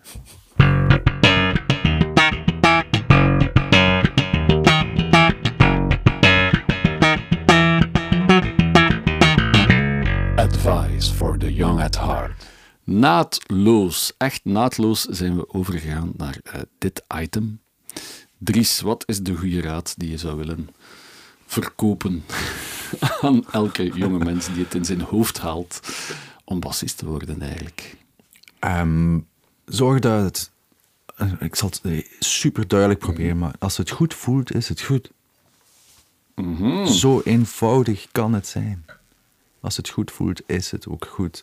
En stel je niet te veel vragen en, Ja. en doe uw ding. Dat, bet- dat betekent ook dat je wel eens een fout mag maken. Ja, bestaan er fouten in de muziek eigenlijk? Ja, natuurlijk. Moeten we niet moeilijk over doen. Concrete fouten. Ja, als je, er, als je er echt langs zit, ja, dan speel je concreet fouten. Ja. Of als je ehm, een, een, een, een mi-akkoord hebt, het, het Ja. slotakkoord is een open E en je slaat per ongeluk je, je open A Ja. Dat klinkt niet zo schoon. Dat zijn fouten, maar zijn dat erge, erge zaken? Ja. Eigenlijk, eigenlijk is dat allemaal zo relatief Mhm. in vergelijking met de echte realiteit. ehm, bestaan er geen fouten in de muziek? Natuurlijk niet. Ja. Want dat is allemaal zoveel belangrijker dan foutjes spelen op een concert of, of whatever. Maar ehm, Is het bij Noordman mogelijk om een fout te spelen? Ja, of is iedereen ingesteld van eh, nee, al wat dat gebeurt, gebeurt en daar doen we iets mee? Of Nee, zijn er echt afspraken van oké, structuur is structuur, arrangement is soms wel arrangement? nu met, met, met dit album ehm, hebben we ook wel geprobeerd om meer binnen een vastere songstructuur te werken met wat wij doen, met die vrijheid Ja. spelen. En dus arrangementen, dat is, we kennen elkaar blind. Elias, de drummer, en ikzelf, we kennen elkaar blindelings. Wij voelen gewoon van, oké, we gaan nu naar het volgende stuk en de rest van die band. Maar als ik een riff speel... eh, als do mineur. Ja. Maar als ik dan per ongeluk per ongeluk in, in het donker majeur speel en de sax Ja. komt binnen, dat Ja. gaat echt niet gewoon Dan is zijn. Matthias niet blij.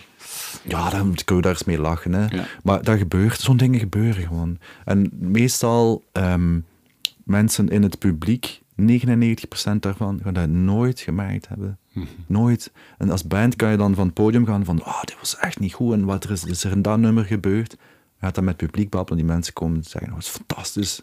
Of, of het was een hele Ja. leuke avond en fijn en goed gespeeld. Dus stel u niet te veel vragen, doe uw Mhm. ding. En, en als het goed voelt, is het Ja. gewoon ook goed. Dat hoeft niet altijd. ehm, En hoe ga je best om met een fout die gebeurt? Want sommige fouten zijn nooit intentional, ze Mhm. gebeuren gewoon. Soms play it twice, zo mild gezegd Zo hebben, denk ik. gezegd hebben, zeker. Ehm, ja, en dat werkt ook, effectief. In sommige muziek heb ik is al het vaak geprobeerd en het werkt effectief. Maar he- heel concreet, hè, ehm, ik was, even denken, elf jaar, tien, Mhm. elf jaar of twaalf jaar. En ik moest ehm, een stuk van Bach spelen en iets van Mozart of zo. Op piano, Op piano, gans alleen voor een zaal in het culturele centrum van Overpijl. Ja, ja. En ik was bloednerveus. Typische publieke examen, Voilà. openbare En ik ging volledig de mist in. Volledig. Ik heb dat het tweede stuk zelfs niet kunnen spelen, denk ik. Mhm. Maar om- omdat ik zo jong was, heb ik dat ook relatief snel kunnen loslaten. En ik, ik heb nu, denk ik, mede daardoor, door, door als, Ja. als, als jonge gast al te mogen spelen voor, voor mensen, om publiek, ehm, gemerkt dat dat helemaal niet zo erg is om een foutje te maken. Dat kan gebeuren en dat gebeurt iedereen. Ja. En ehm, daardoor heb ik nu 0,0% zenuwen om op het podium Ja. te staan. Ik heb wel positieve stress, goesting om, om te spelen, maar ik heb Ja. nooit, nooit, nooit zenuwen. Ik heb, ik heb muzikanten zien bijna ten onder gaan aan zenuwen Mhm. die veel beter speelden dan mij. ja. En dat is spijtig. En dat is een raad die ik misschien kan geven Mhm. aan, aan jonge mensen. Durf op, u, op het podium, durf u gewoon te laten gaan. Het is maar dat. ja. En, en Absoluut. durf u gewoon durf u gewoon een keer te laten gaan. Maak een foutje, dat wordt u vergeven. En hoe sneller dat dat gebeurt, dat je een keer op publiek op Ja. uw bakkes gaat, om het zo te zeggen, Alright. dan zit je vanaf. Oké. Zalig. Iemand moet het een keer Als zo bassist, zeggen als bassist is. Ja, maar het, het is gewoon zo. Als bassist, ik ga gewoon super eerlijk zijn. Mhm. Ik speelde vorige week eh, een, een gig, ik moest vervangen. Het geluid Mhm. was bijzonder moeilijk. Een betonnen bunker, veel reverb en, en whatever. En ik miste een overgang. Heel de band zat aan stuk B en ik zat in het laatste lijntje van stuk A. En dan staat er daar ja, tien seconden te wortelen. Ja. En het was lezen, dus ik kon niet zomaar Ja. eh, en dat gebeurde, dat gebeurde, dat was lang geleden. maar het gebeurt bij mij ook. En als dat gebeurt, op een bepaald moment komt het terug. En als je dan de rest van je optreden, want dat was een tweede nummer, gaat denken van oei. En nu ga ik me echt moeten concentreren en dan ga je gewoon blokkeren. Dan het gedraven de moeite. Dus laat het gewoon gebeuren. Het is een ultieme oefening in loslaten, denk ik. Of fout spelen. Ja. Loslaten, daar zeg je het. Het Ja. is gebeurd, je kunt daar niets meer aan veranderen. Maar je kunt nog wel iets veranderen aan de rest van de show. Dus gewoon, je kunt daar niks Ja. aan doen. Elke noot die je speelt is voorbij. Mhm. Dat geeft mij persoonlijk wel rust als ik daaraan denk. Dat is ook wel waar. Je kunt niet terug, hè. Nee, Zoals het leven, hè. Het terug, gaat alleen maar teruggaan in de tijd, eh, dat, dat gaat niet, helaas.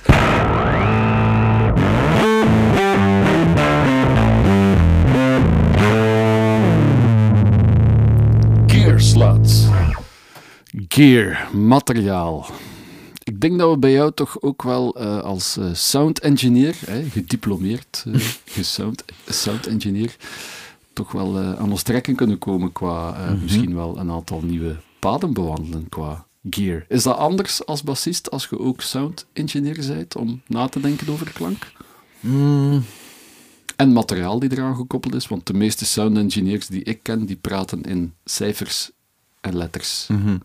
Een B87 op een Ah, ja. 4,89 eh, XZW. eh, een beetje 3K een wegvijzen. beetje als, ja, een beetje zoveel K wegdoen. Hoe zit dat bij u? Ehm, ik probeer die twee zaken wel uit elkaar te houden. Mhm. Ik wil niet op het podium staan als muzikant en mij dan bezighouden met sound. Ja, Maar wat niet betekent dat ik niet meer met mijn eigen klank en zo bezighoud natuurlijk. ja. Maar ik vind, een, ik vind een pluspunt dat ik, die, dat ik die background ook heb. Dat je bewust bent van wat Ja. dat het doet. Omdat ik ook Ja. dat in, in, in bepaalde situaties maakt dat communicatie met uw, met uw geluidsman of een stage crew wel gemakkelijker. Mhm. Als je weet wat er aan de hand is. Of als uw signaal in een keer weg is. Of whatever. De, onlangs de gitarist zijn, zijn, ehm, zijn gitaarversterker had in één keer maar... Hey, die doet maar een half... Die speelt maar half zo luid in één keer. Oké. Dus ik vijs die gewoon open. Ik steek die eindlampen er terug in. Dus jij kunt technisch ook een bak openvijzen en Iedereen, zien iedereen, er kan, iedereen kan een lamp er terug insteken. Dat is niet moeilijk, hè? Je moet gewoon even Ja, maar je kijken. moet wel weten dat het aan die lamp ligt, natuurlijk. Eh, ja. En niet iedereen kan vijzen, daar ben ik het Ah ja, ook voorbeeld van. Ja. Maar ehm, in, in studio is dat wel, wel, Mhm. wel goed. Ja, ik, speel, ik speel een elektrisch instrument natuurlijk. Ja. Maar ehm, qua microkeuze ehm, kan ik daar redelijk goed over meedenken. Dat je of keuze van impact kunt inschatten. Van, ja. Of, of uw, of uw eh, signal chain, Ja. preamp, compressor eventueel. Ja. Ehm, drumopstelling, micro-drumopstelling. Dat zijn zaken, dat is niet zozeer als bassist dan, maar... Mhm. ehm, maar eigenlijk scheid ik die twee wel van elkaar. ja. En nu zit jouw standaard setup dan eigenlijk in elkaar. Mhm. Is dat heel simpel of heel technisch doordacht dan? Het was vroeger... ehm, dat is een beetje in fases gegaan. The never-ending quest for the setup. Ja, ik ben nu terug eh, steeds minder en minder aan het doen. Mhm. Zo puur mogelijk, zo droog mogelijk. En, Ja. Maar zwart, ehm, ik heb wel een gigantische setup gehad met mijn parallele effects chain op mijn pedalboard, Pedal Train Pro, volledig vol. Ja, ik zag van alles passeren Aha. online. Tot zeker ook een bericht dat ik plots uw, uw grote Aguilar te koop zag staan. Ja. En dacht van, hmm, wauw, zou ik nu toch... Ik werk altijd met die tonehammers. Zou het nu echt een verschil zijn als we die... Hoe heet die reeks? De DB? Nee, de... DB751, ja, het is een verschil. Ja. Maar jij deed hem dan toch weg. Ja. ik, ik vind persoonlijk dat zo'n grote versterkers tegenwoordig Mhm. bij, bijna zinloos zijn. De PA-systemen zijn zodanig geëvolueerd Ja. In vergelijking met 20 jaar geleden of 40 jaar geleden. De Ampeg Frigo, dat is echt niet meer nodig. Nee. Dat was ook de PA, hè. dat was om de bas tot, Voilà. het einde, tot aan de bar op het einde van de zaal te kunnen doen. En, en wat ik ook vind, als band, het hangt een beetje van uw muziek af. Ja, Als je in een luide band zit, zit een luide band. Maar eigenlijk klinkt het beter in de zaal als je niet zo luid speelt op het podium. ja. Dat is niet gemakkelijk, maar het is gewoon zo. Dat is gewoon zo. Minder overspraak in de drums. Je kunt uw bas echt luid zetten op het podium, maar dan zit uw bas in alle micro's. En, en dat is gewoon niet goed. Je wilt als band toch dat je goed klinkt. in En het is ook het ongedefinieerde laag dat in die micro's kruipt. Ja. Het is ja. niet de attack van de basgitaar. Dat wordt, dat wordt ook wel wat gefilterd allemaal door, Ja. de, door de geluidstechnicus, maar het is toch Maar die kan geen wonderen doen. Hè. Nee, nee. Dus daar moet als, in die zin vind ik het wel belangrijk dat je als, als artiest of als muzikant, als bassist, dat je daar bewust van bent. Ja. En pro- probeer op het podium een, een balans te maken met je band, zonder Ja. monitors, die goed is. Ja. Ook in je repetitiecode en zo, van die zaken. Ehm, dat is gewoon belangrijk. Dat is Ja, dan want misschien er worden veel bassisten op afgestraft. Er zijn eh, terecht. veel bassisten die in de zaal niet klinken omdat ze te luid staan. En die Uh-huh. snappen dan niet waarom dat ze niet goed klinken in de zaal. Mhm. Maar dat is om wat dat jij nu juist uitlegt, al dat overtollig laag, die eigenlijk sowieso zou Ja. moeten geloked worden, Ja. kruipt in de andere micro's. Zeker als het mijn zangeres is die niet te veel volume maakt in Mhm. haar eh, eh, veel te luid gegainde micro. Ja, of, of, of kruipt saxofonisten. Hè. Eh, Nogmaals, een instrumentale voilà. band, geen vocals. En de mixer van voor gaat dan de bas natuurlijk Mhm. minderen in de PA. Ja. Maar dan krijg je nog dat overtollig laag in de zaal. En Tuurlijk. niemand hoort u eigenlijk spelen. hè. Niet alleen dat, het gaat ook over ehm, frequenties en, en, en gebieden en frequenties. Als je echt Ja. exact op hetzelfde als de kick zit, als de kickdrum, dan hoor je, me- dan hoort je die niet meer apart. Ja, het is Eh, of eronder of erboven. of je, zit in, of je hebt een. Ja. gitarist die superveel laag heeft en dit en dat. Maar om, om terug, naar, terug naar Gear te gaan, ja, ehm, ik, ik ben daar heel veel mee bezig geweest. Ik had een bijzonder uitgebreid pedalboard. Ehm, omdat de muziek die dat ik toen speelde ook wel vroeg om veel meer eh, experiment met mijn bassound. Vuil, eh Ja. fuzz, octavers, delay, pedalen, explore the space. alles wat, alles wat maar kon. En, en eh, loop soundscapes maken, daaronder dit, dit en dat. Ik speelde toen ook op een ehm, volledig ander instrument als nu. Ehm, ook round round snaren, bright, kocht elke maand een nieuw pak snaren, dat is duur. Om lekker briljant te klinken. Voilà. Ehm, maar net toen ik dan dat gigantisch pedalboard vol had, besloten wij met de, met de band om op een andere manier muziek te gaan maken. En, en dat impliceerde ook een andere sound voor mij. Of dat, dat, dat was ik al wel deels naartoe aan het gaan. Het is een duidelijk verschil hè, op de Noordman plaat. de laatste. elke plaat het zijn de- hele strakke, droge baslijnen die rechtdoor gaan. Mhm. En vroeger was het inderdaad veel meer gekleurd en in alle richtingen. Er is trouwens één constante in die drie platen. Ja? De eerste geluid, klank die je hoort op elke plaat, is de bas. Oké. Dus dat is ook echt toevallig, maar het is blijkbaar wel zo, denk ik toch. Dus in jullie modus operandi is een soort wetmatigheid geslopen van eerste bas. Dat is echt toeval. Dat is echt toeval. Ehm, Terwijl dat je geen dominante persoonlijkheid bent, lijkt mij, in een band. nee, nee, dat denk ik ook niet. Ja. Ik, ik probeer mij zo, allee, dat is denk ik onze rol als bassist, Mhm. Eh, of zo, zo zie ik het toch, meer en meer en meer. Ik probeer ervoor te zorgen dat de lead, wie dat dan nu ook is, zo goed mogelijk klinkt en dat hij zich comfortabel voelt. Ja. En, en lokken met uw drummer is voor mij op dit moment dus keer belangrijker dan veel noten te spelen. Daar, Absoluut. daar ben ik helemaal in veranderd ten opzichte van vroeger. Oké. Absoluut. Ten- vroeger dan bedoel ik mijn, mijn periode vlak na het conservatorium en het Ja. beginperiode met Noordman en experimenteren. Ja. Alles uit de kast halen. ehm, maar ben meer en meer geëvolueerd naar meer functioneel in de muziek duiken.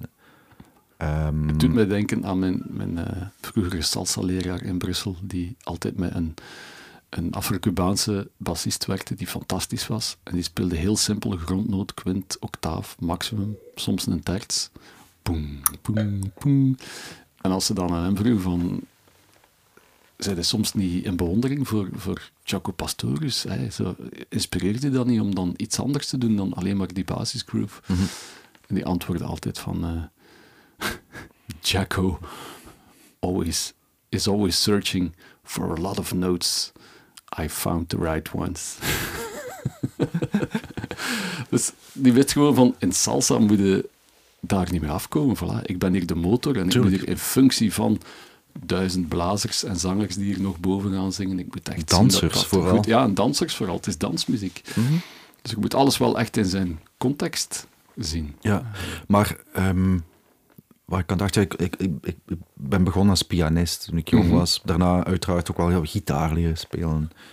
Ja, dus ik kom niet echt van een bas-bas-achtergrond. Ja, ja. Ehm, en, en daar in het begin dat ik mijn band speelde naar het conservatorium, zat daar nog wel veel in mijn spel. En misschien Ja. nu nog, hè, ik speel graag een, een akkoord Een op een basgitaar. ja. Eigenlijk mag dat, ik, eigenlijk van veel mensen mag je niet boven het zevende fret spelen op een basgitaar. Hangt van de stijl af. Ja. Maar die zijn er wel.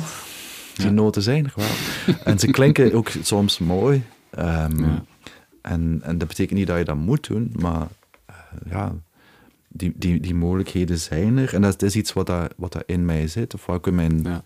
in mijn manier van spelen zit. En, en waarom zou ik dat verloochenen of weglaten? Maar Nu- over gear, want, want Ja. er is ook een heel ander aspect in uw muzikale persoonlijkheid, namelijk de, de voorliefde voor modulaire synths. Ja. Want daar ga je binnenkort Oei. mee, uitpakken als solo-artiest. Wie weet, Heb ik wie gelezen weet. online. Ik ben er, ben daar bijzonder veel mee bezig sinds... Is ehm, dat jouw piano-achtergrond die je daar naartoe geduwd heeft? Of eerder de, het experimenteren met de elektronica? Ehm, ik, ik ben er al heel lang mee bezig met elektronische muziek.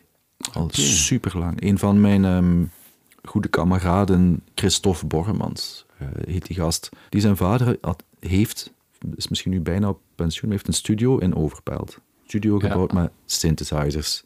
Ehm, een, een, een Atari ST met Ja. Cubase toen nog. MIDI Cubase. Ja, analoge synths allemaal. Hè. Ehm, de eerste Akai samplers. Ehm, maar daar ben ik mee begonnen. En wij mochten, als die studio vrij was, mochten wij doen wat we wouden. Met ons twee. Dus we hebben daar De speeltuin eigenlijk. echt waar eh, zoveel, zoveel geleerd. Ja. Dan op een bepaald moment kwam in Gent wonen. Ik deelde het huis met Patrick, een van mijn, een van mijn echt super, super goede vrienden. Wij hadden geen tv, we hadden geen woonkamer, maar dat, we hadden een studio. Wij le- leefden in ons studio. Super. En dat was het enige wat wij deden, buiten werken natuurlijk. Ja. Ehm, mijn periode in Brussel was ook volle drum and bass periode. Ja, ja. Daar heb ik wel veel van veel skaters, DJ's leren de kennen. late 90s. Ja. ja. Eh, Goldie, Ronnie Size, Ja, maar dan ook fantastisch. Square Pusher, Apex, eh, van die zaken Ja. ben ik heel veel naar beginnen luisteren. Ik ben het altijd wel blijven doen, Ja. totdat ik basgitaar ben gaan studeren. Maar ik wil nu een, een volgende stap doen en toch proberen om echt een, een album te maken, of het maximum eruit te persen wat ik op dit Ja. moment kan doen, eh, met het materiaal wat ik heb. En ja, En in combinatie met de basgitaar, zoals Square Pusher heb ik nog niet gedaan. Nee? Enkel synths only. Ja, niet, niet, dat kan alles zijn, hè. Ja. Het kan alles zijn. Maar dat heb ik nog niet gedaan. Ehm, wat, wat wel is dat mijn setup er zo naar gebouwd is dat ik externe klankbronnen, Ja. whatever it is, kan die Ja. in, mijn, in mijn setup binnentrekken en die manipuleren of processen. Dat kan. Maar basgitaar-wise, ja, uw setup van, jij speelt meestal op een soort special P. ja een P met een jazz pick-up bij. Dit is een, ehm, een, even denken, hè. dit is een Fender Elite Precision. Die wordt nu al niet meer Ja, gemaakt. een En- nieuwe, ja, noemt nu de van een paar Ultra. jaar geleden. Ja. Ja. Ehm, en dat is inderdaad een PJ. Ehm daar zitten, zaten eerst, zat eerst actieve elektronica in. Ja. Dit is geen goedkope Fender. Het is ook niet super duur, maar het is, het is een van de hogere reeksen. Ja. Ehm, het heeft een compound radius wat het, en Mhm. en ook een compound neck shape. Dus die is super comfortabel om op te spelen. de, de hoe, heet, hoe heet dat? De cut-out aan de Ja, onderkant. de cutaway. De cutaway is Ja, ook wat dieper. Ja. Omdat ik ook wel graag... Ah ja, voor uw akkoorden, want jij speelt graag akkoorden. maar mag ik nu een keer vloeken in de kerk? Ja. Want ik kom ook altijd in de verleiding om te denken van, ja, als je dan een bas hebt met en een bridge pick-up van de jazz en de precision, de beefy klank van voor, dan heb je alles.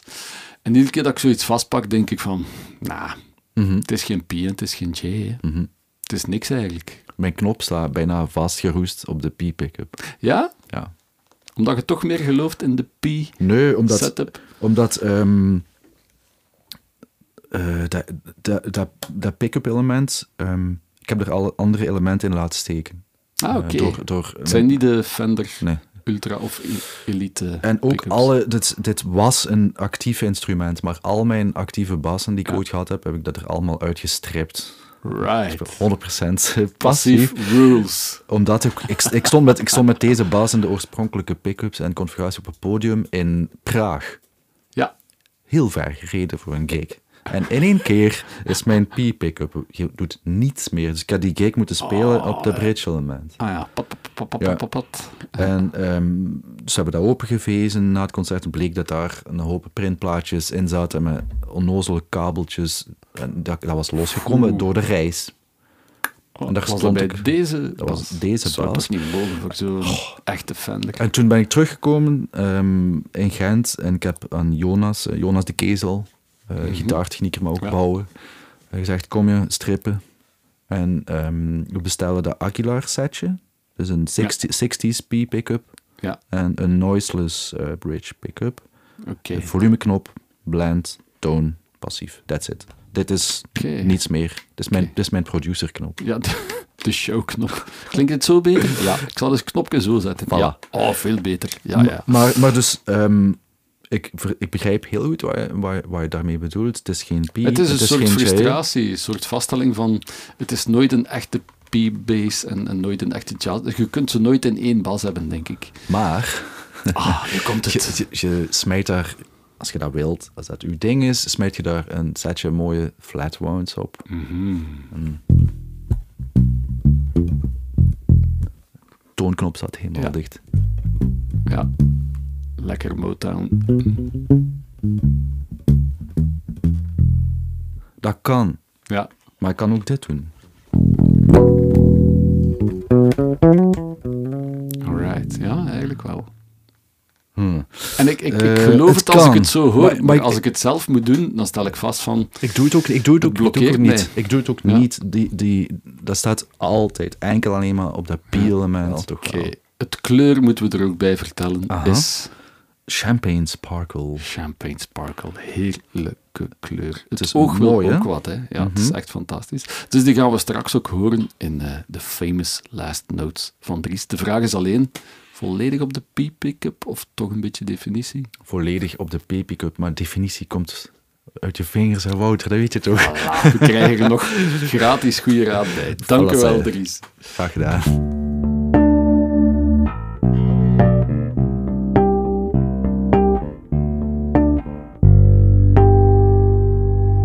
Famous last notes.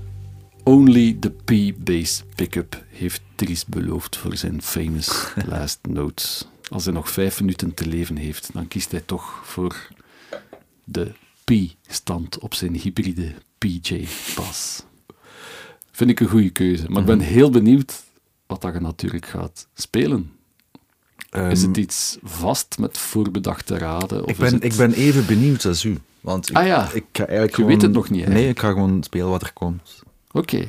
Living in the moment. En, en dat, zullen zaken passeren die uit mijn vingers vloeien omdat die erin zitten. Eh, Ja. Maar er zullen ook momentjes in zitten dat ik zelf ook een seconde moet denken van oei, Ja. eh, wat gebeurt er? Maar dat is net, net iets interessants. Ehm, Ja. Ik denk dat dat eh, uit, uit mijn jazzachtergrond wel komt, die improvisatie. En ja, dat, Ja. dat is gewoon iets speciaals. Een, En- een improvisatie spelen en afwachten van wat, wat, wat gebeurt er. Wat niet betekent dat ik zomaar iets doe. Mhm. Ik probeer wel een, een boog te maken, een verhaal te vertellen. een Verhaal. Ja. Ehm, en, en ja, we zien wel. Zeer spannend. En, en Welke titel moet ik het dan geven? Want het wordt instant composing. Is het dan Ode aan de Luberon of Ode aan Miles Davis? Je mocht, dat, je mocht het uh, Luberon noemen. Het is eigenlijk wel een mooie Luberon. afsluiter. Oké. Ja, Toch? ook om uw vakantiegevoel. Ja, toch het is, wel, ja, het is wel teruggekomen met het eh, voortreffelijke wijntje trouwens. alright. Dat klinkt we nog eens op. En ja, laat u volledig gaan met uw famous last notes Ga de klankschalen van de wijnglazen.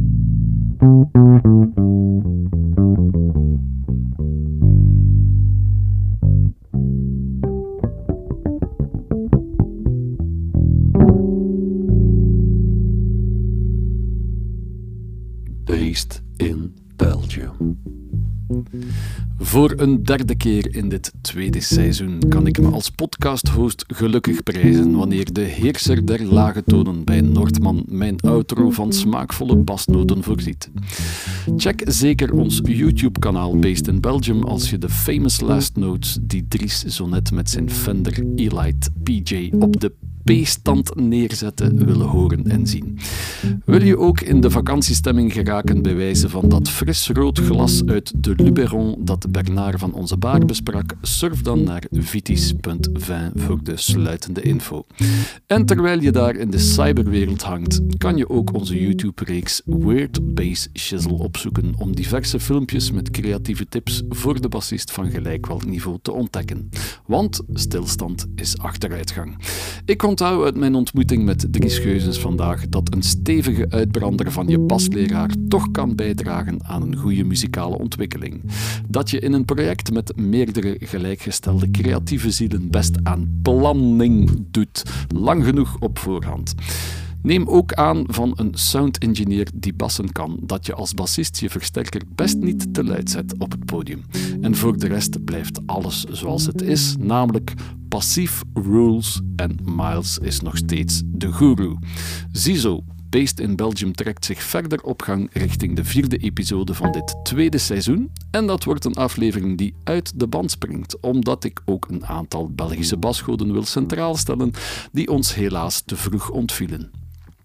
Fons Simons van de legendarische Skeps is er zo eentje, die een enorme indruk op me maakte als jonge muzikant. ik ben dan ook blij te kunnen aankondigen dat we in de volgende episode het muzikale leven van Fons mogen uitspitten, samen met opperskep Gies Winnen en Fons dochter Naomi, die we ook kennen als de geweldige Rena Riot.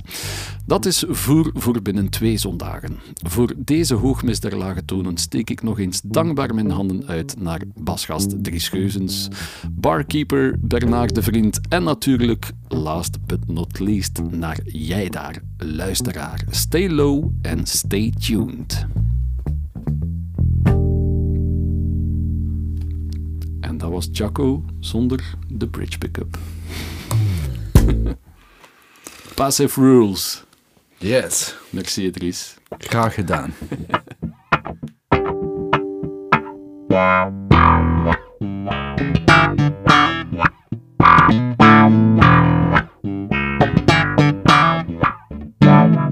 Based in